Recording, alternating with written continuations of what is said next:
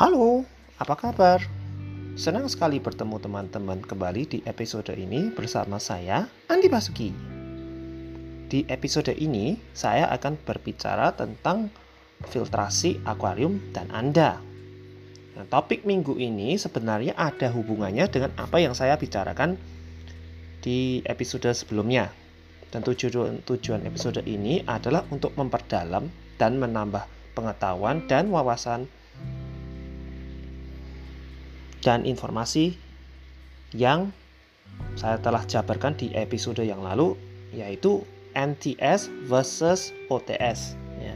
Bagi yang belum mendengarkan silahkan mendengarkan yang episode yang itu dahulu untuk mengetahui tentang basic tentang siklus nitrogen atau uh, nitrogen cycle dan proses pembentukannya. Nah, di episode ini saya akan membahas khusus tentang filtrasi akuarium. Ya mulai dari jenis-jenis filter dan media filternya. Nah tapi karena khusus topik untuk khusus topik ini karena sangat luas tentang masalah filtrasi. Nah saya akan membaginya menjadi beberapa episode. Ya episode ini saya akan membahas hanya mungkin uh, tiga atau empat jenis uh, filtration system atau sistem filtrasi saja dan di episode-episode selanjutnya akan saya uh, bahas lebih banyak tentang jenis sistem filtrasi yang lain dan media-media filter yang bisa dipakai di akuarium Anda. Dan juga uh, kelemahan dan keunggulan sistem-sistem filtrasi masing-masing semampu saya. Apakah teman-teman sudah siap untuk mendengarkan mendengarkannya? Let's go. Pertama, kita harus mengerti mengapa kita butuh atau membutuhkan sistem filtrasi di akuarium kita. Nah, tugas utama sistem filtrasi di akuarium kita itu adalah membersihkan air di akuarium dari partikel-partikel kotoran ya yang bisa berbentuk kotoran ikan atau makanan ikan yang tidak termakan dan lain sebagainya. Seperti dan beserta zat-zat yang tidak bagus untuk ikan kita seperti amonia, amonia atau nitrate or nitrite yang adalah sebenarnya hasil dari dekomposisi uh, kotoran ikan ya mungkin makanan ikan tidak yang tidak termakan dan mungkin ada kita ada yang pelihara aquascape ya tanaman air yang sudah mati ya dan lain sebagainya. Nah, kalau di alam filtration filtrasi ini selalu terjadi secara alami oh natural filtration. Karena volume air di uh, alam itu biasanya lebih jauh lebih besar. Dan karena ada constant flow of water, ada aliran air itu ada ada terus mereka akan membuang zat-zat yang uh, tidak bagus untuk ikan ini yang menjaga kualitas air di mana ikan akan tetap hidup sehat. Namun namun di dalam konteks akuarium kita yang sebenarnya kita notabene-nya disebut sebagai ekosistem tertutup atau closed ecosystem. Nah, filtrasi yang mumpuni dan penggantian air yang secara berkala adalah kunci untuk menjaga ekosistem di akuarium kita tetap sehat. Nah, water change. Water change ini penting sekali. Tapi satu catatan, penggantian air ini tidak berlalu drastis ya, jadi dengan volume yang terlalu banyak.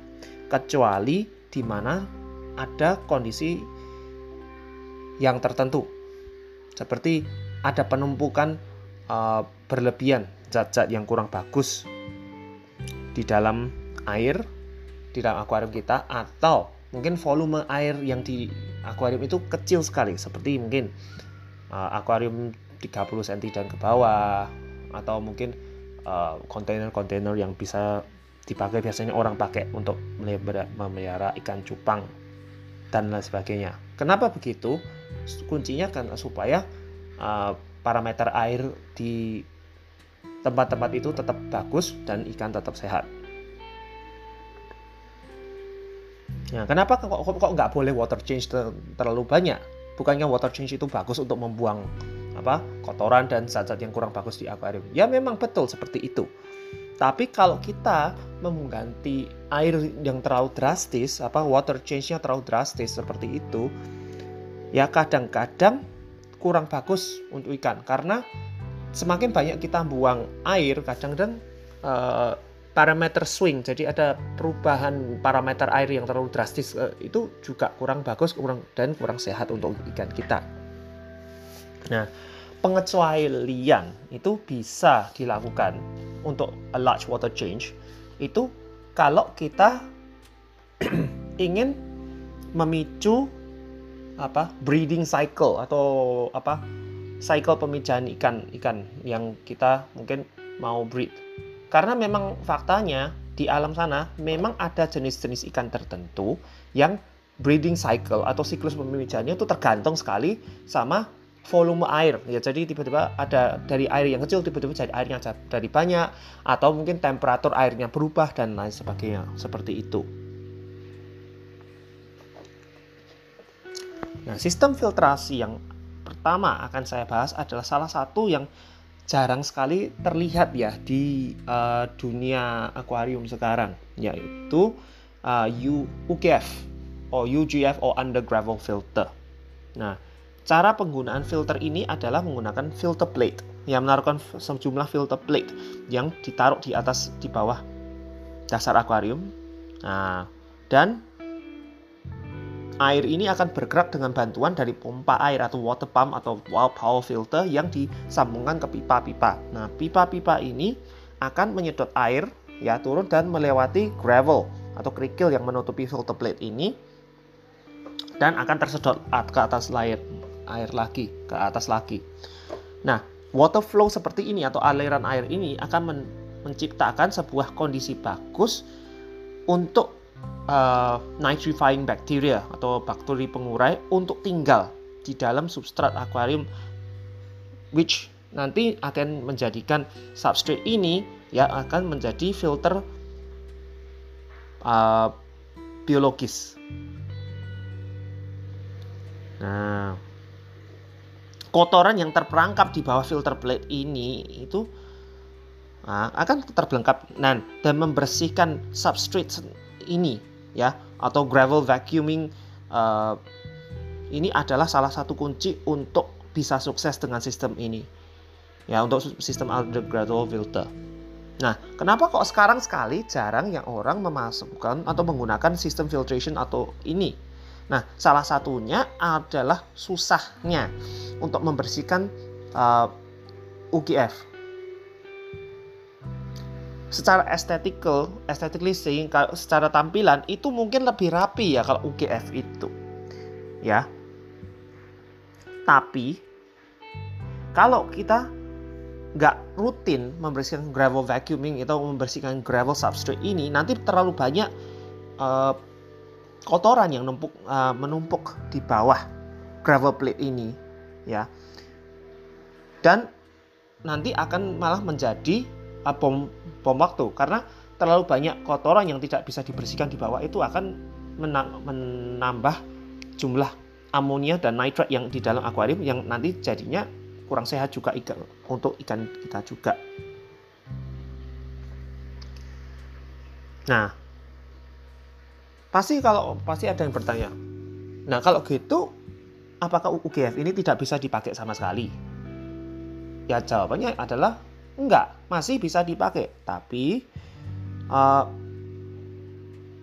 hanya dalam beberapa jenis akuarium. Salah satunya adalah mungkin akuarium yang untuk breeding, di mana Angora gravel breed ini bisa dipakai untuk sistem filtrasi, sistem filtrasi di situ, atau mungkin kita uh, bisa dipakai untuk karantina ikan, uh, quarantine, quarantine tank juga bisa.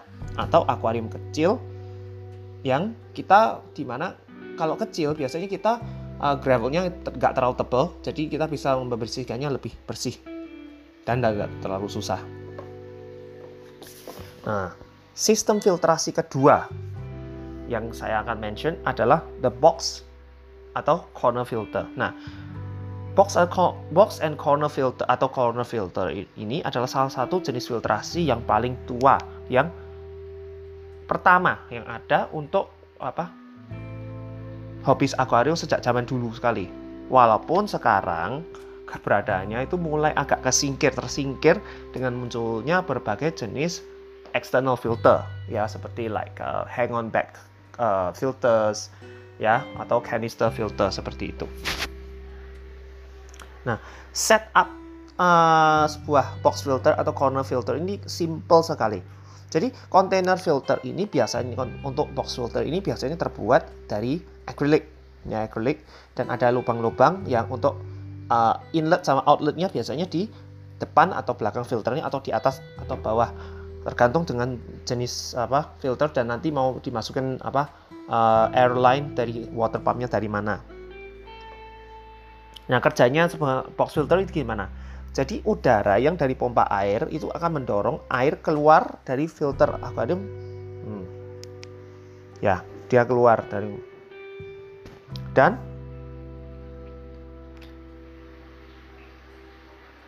di saat yang bersamaan ya air akan masuk lewat lubang filter yang berlawanan ya akan menyedot air masuk dan akan membawanya dengan yang kotoran-kotoran dan lain sebagainya untuk di trap di filter itu tersebut. Media filter yang biasanya dipakai di dalam box filter itu biasanya uh, sebuah filter mekanis dengan dengan bentuk-bentuk mungkin kapas dan uh, chemical filtration atau filter kimia kim, kimia dengan bentuk carbon uh, activated carbon biasanya ya. Nah box filter ini uh, sebenarnya juga termasuk satu satu uh, filter yang agak fleksibel ya atau custom customize customize di, bisa di custom lah bisa di custom karena kita bisa menaruhkan apa uh, media filter sesuai dengan kebutuhan kita. Kalau kita mau cuma basicnya aja juga bisa, atau kita mau taruh sedikit filter media filter ke filter yang biologis dengan bentuk maybe a bit of ceramic ring dan lain sebagainya juga bisa.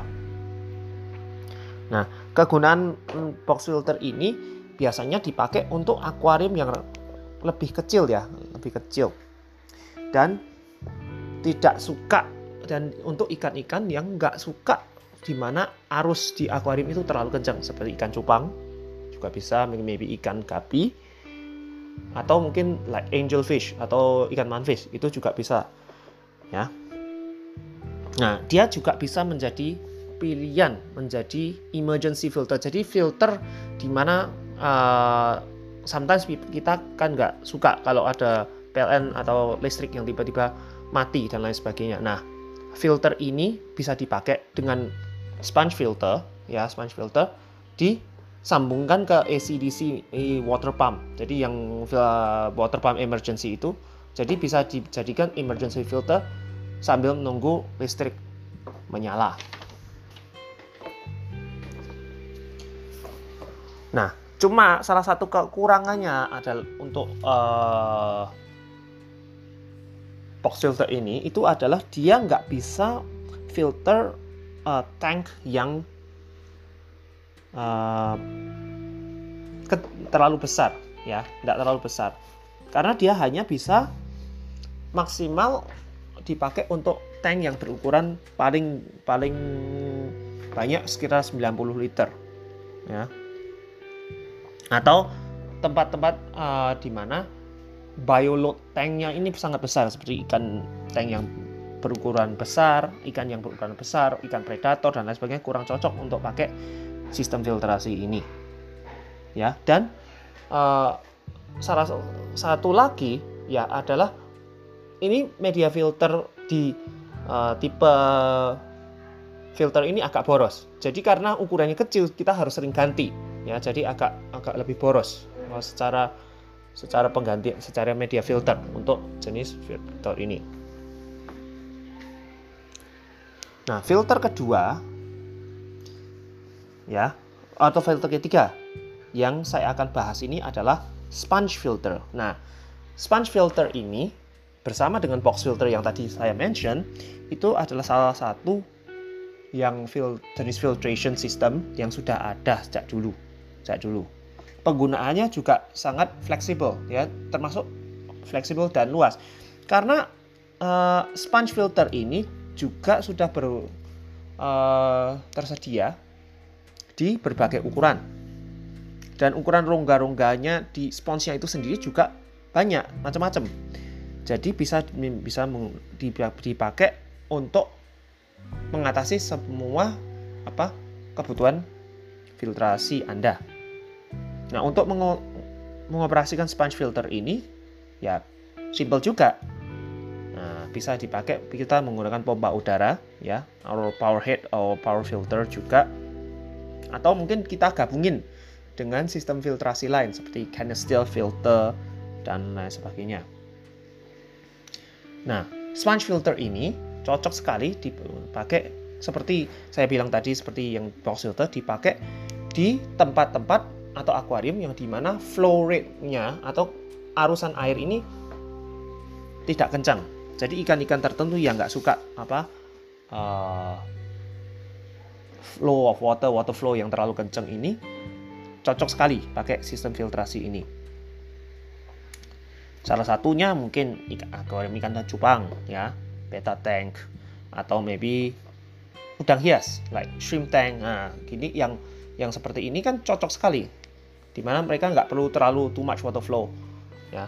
Nah, salah satu lagi uh, sponge filter tuh juga cocok dipakai untuk fry tank ya, fry tank atau mungkin ikan-ikan di mana kita takut sekali kadang untuk uh, apa kadang-kadang kalau kita mau pakai breeding tank kita mau apa naruh anakan ikan di situ kan kalau filter yang yang flow rate dan suction rate-nya terlalu banyak kenceng kadang-kadang kita takut masuk ke dalam filter malah malah uh, ikan-ikan terus tersebut masuk ke dalam filter.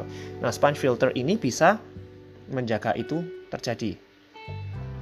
Karena dia nggak mungkin nggak mungkin bisa nembus apa masuk ke dalam sponge-nya juga ya apa burai ikan sekecil apa pun ya nah salah satu juga yang kegunaan sponge filter ini bisa dipakai untuk hospital tank ya di mana all recovery tank jadi di mana kita kita kadang-kadang kan ikan kita lagi yang ada yang sakit kan dan lain sebagainya kita akan pisahin pisahin untuk untuk pemulihan dan pengobatan. Nah sponge filter ini sangat bagus karena water flow-nya karena uh, terlalu nggak terlalu kencang, jadi ikannya akan bisa leluasa berenang tanpa harus kayak harus ngelawan arus ya. Di mana ikan yang biasanya lemah nggak nggak nggak nggak terlalu suka ya nggak terlalu atau kurang bisa beradaptasi dengan water flow yang terlalu kencang kalau dipakai filter jenis filtrasi yang lain.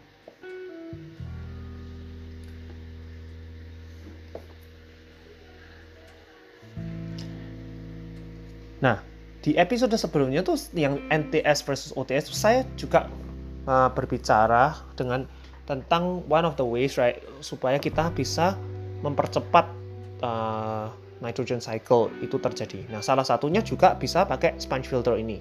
Nah, caranya gimana? Itu adalah kita bisa menaruhkan sponge filter kita, salah satu sponge filter kita itu ke dalam akuarium yang kita sudah ada. Ya. Dan ditaruh di situ berbulan-bulan. Ya, berbulan-bulan untuk berminggu-minggu supaya ada koloni bakteri yang bagus terbentuk di situ. Nah, kalau suatu saat di mana kita butuh ya mengsetup akuarium baru ya untuk mungkin kita mau pelihara ikan baru nih atau tiba-tiba ada something yang happen something atau hal-hal yang tidak diinginkan atau mungkin yang kita tiba-tiba butuh tank untuk mungkin bikin hospital tank atau kita pun penampungan ikan gara-gara ter terjadi sesuatu. Nah, ini dengan filter sponge yang sudah matang ini itu akan mempercepat cycle uh, nitrogen cycle dan mendam, mengurangi dampak amonia dan nitrate spike yang biasa terjadi waktu setup akuarium baru ini. Nah, Sponge filter ini kita bisa dipakai untuk sponge filter sponge ini kita juga bisa pakai untuk menjadi pre-filter di inlet sebuah canister filter. Kenapa begitu?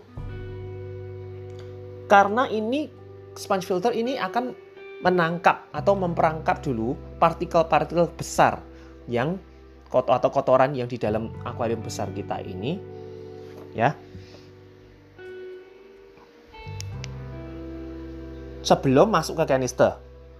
Jadi karena gitu kita maintenance kanister kita jauh lebih gampang, jauh lebih gampang untuk membersihkan filternya. Nah, salah satu catatan yang harus saya tambahkan ya, itu adalah lebih dari satu sponge bisa digunakan ya untuk untuk sponge filter itu. Nah, keuntungan dari ini adalah karena media filternya lebih banyak, jadi uh, kemampuan me, uh, mekan apa filtrasi mekanis dan biologisnya juga menambah dan waktu maintenance kita juga nggak pengaruhin terlalu banyak pengaruh terhadap koloni bakteri. Karena kita kan bisa ngambil mungkin salah satu sponge itu dibersihkan dulu terus diganti minggu depan diganti lagi. Jadi satu filternya akan tetap bersih. Dua uh, tidak dia tidak tidak me, me, mengakibatkan like tank crash. Ya karena tiba-tiba dibersihkan semua terus nanti biologinya apa apa sistem apa biological capable, apa filtration capability-nya berturun gara-gara seperti itu. Ya. Nah one thing of note ya satu catatan yang kalau teman-teman harus apa harus hati-hati itu kalau kita mau membersihkan uh, maintenance uh, filter media kita biologis walaupun biologis apa pun apalagi yang biologis sponge filter dan sebagainya jangan pernah menggunakan uh, air dari pump ya kalau mau air dari keran ya bisa. Kalau dari sumur masih oke. Okay. tapi yang paling bagus adalah mungkin um, waktu kita water change pakai itu pakai airnya itu kita untuk water change saja yang untuk water change kita pakai untuk bersihkan. Untuk bersihkan sponge filter kita. Kenapa nggak boleh air pump? Karena biasanya air pump itu mengandung kaporit ya uh, klorin atau chlorine and chloramine biasanya ya yang akan membunuh bakteri koloni-koloni bakteri bagus yang sudah tinggal di sponge itu. Nah, akibatnya apa? Nanti akan terjadi mini cycle lagi. Apa? Mini cycle lagi. Uh, yang uh, dampaknya sih kurang bagus untuk apa? Ikan-ikan kita ya di akuarium kalau itu terjadi. Nah, kalau sponge filter sebenarnya kekurangannya hanya satu ya. Uh, dia kan dia tuh benar-benar pure purely biological and uh, mechanical filter. Jadi hampir tidak ada tidak ada sama sekali kapabilitas untuk uh, chemical filtration sama sekali. Itu saja ya. Nah, sistem filtrasi terakhir yang saya akan bahas ini adalah sebuah fil sistem filter yang tidak terlalu terdengar ya. Jarang sekali dimention uh, di di Indonesia saya nggak tahu apakah ada yang pakai atau enggak uh, tapi di Eropa dan di luar negeri juga sudah mungkin banyak yang memakai sistem filtrasi ini. Nah sistem filtrasi ini adalah uh, eh, HMF atau Hamburg Matten Filter ya. Namanya dari Jerman ya. Karena memang uh, asal usulnya ya diperkirakan itu dari Jerman Timur. Tapi secara basicnya itu uh, Hamburger Matten Filter atau Hamburg Matten Filter ini sebenarnya bukan sistem filtrasi yang baru karena dia sebenarnya adalah upgrade dari uh, sponge filter yang saya telah bahas tadi. Nah, untuk uh, mau lihat cara-cara apa bikinnya atau tentang apa yang Hamburg uh, Matten Filter ini, teman-teman bisa uh, cek uh, YouTube YouTube channel uh, seperti mungkin uh, Joey, The King of DIY, dia juga pernah bikin uh, filter ini. Dan beberapa youtuber-youtuber uh, dari luar dari Amerika yang berhubungan dengan mungkin ya dari ikan cichlid juga ada uh, dan ikan dan berapa berapa jenis apa youtuber yang main dengan udang hias juga memakai sistem filtrasi ini di dalam tank mereka. Nah, media dari HMF ini itu adalah lembaran sponge yang besar yang sudah dipotong, sudah di customize itu biasanya ukurannya sekitar 50 cm kali 50 cm uh, sampai mungkin 100 kali 200 sebesar itu. Nah, untuk PPI atau lubang per inci di di dalam media filter ini tuh ada banyak sekali. Tapi biasanya orang untuk HMF ini mereka sarankan hanya memakai yang uh, 30 and 40 ppi. Nah, kenapa hanya dua ukuran ini? Nah, kalau kurang dari 30 ppi itu biasanya kemampuan filtrasi, filtrasi mekanisnya itu nggak terlalu bagus. Nah, kalau terlalu besar ya di atas 40 ppi itu nanti akan terjadi kepernyumbatan yang lebih besar, lebih cepat ya di filtrasi. Jadi harus sering maintenance untuk apa? Uh, filter ini. Nah,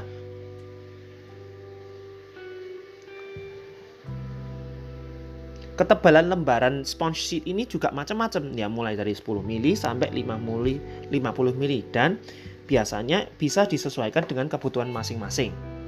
Nah, warna biasanya yang yang untuk HMF ini biasanya hanya dua, hitam dan biru. Nah, kalau biru itu uh, jarang sekali orang pakai kecuali uh, Anda memakai background biru ya. Kalau enggak pakai hitam aja because it's a neutral color.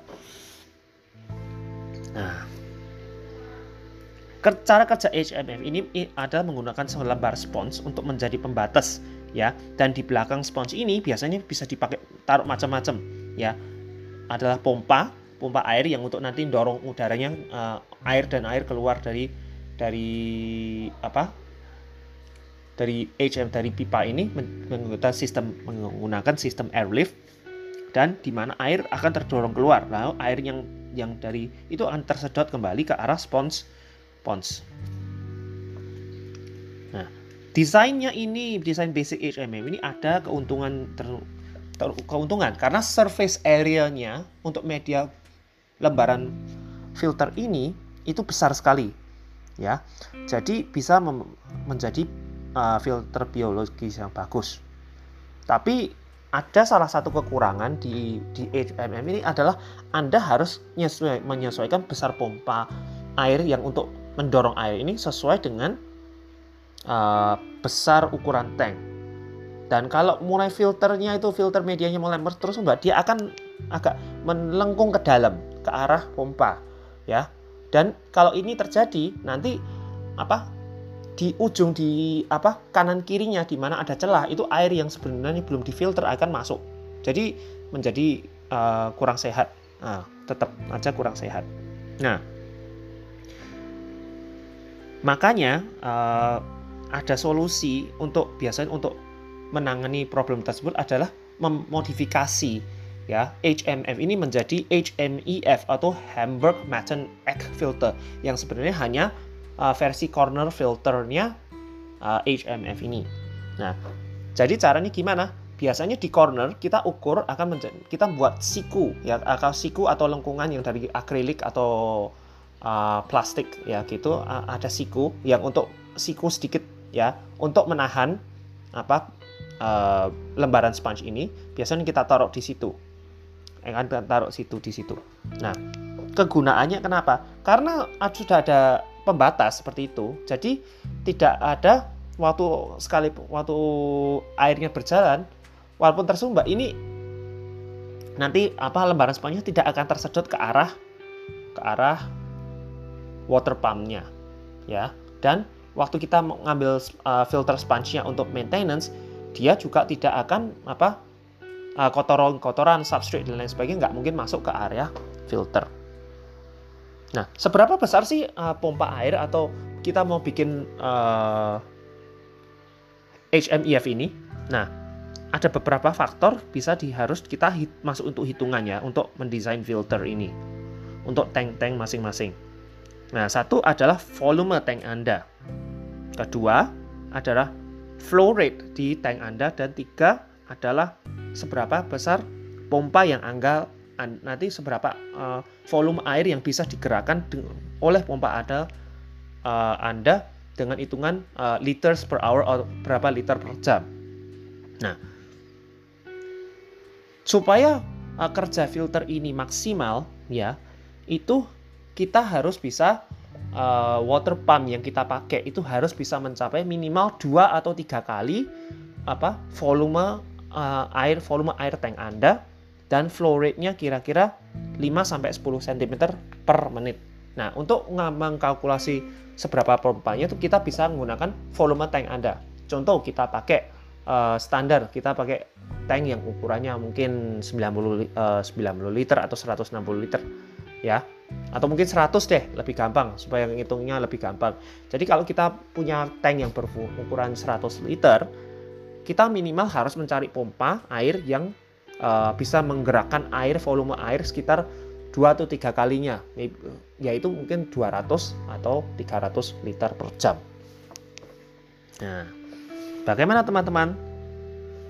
Apakah informasi yang saya sajikan tentang jenis-jenis filtrasi yang saya bahas di episode ini berguna untuk teman-teman. Saya berharap informasi yang saya berikan di episode ini dapat memberikan informasi yang bisa dipakai dan untuk menambah wawasan teman-teman tentang berbagai jenis filtrasi yang ada di hobi yang kita suka ini. Nah, di episode-episode yang akan datang saya akan membahas lagi, lagi lebih banyak lagi jenis-jenis filtrasi lain yang ada di pasaran. Terima kasih telah mendengarkan sampai selesai.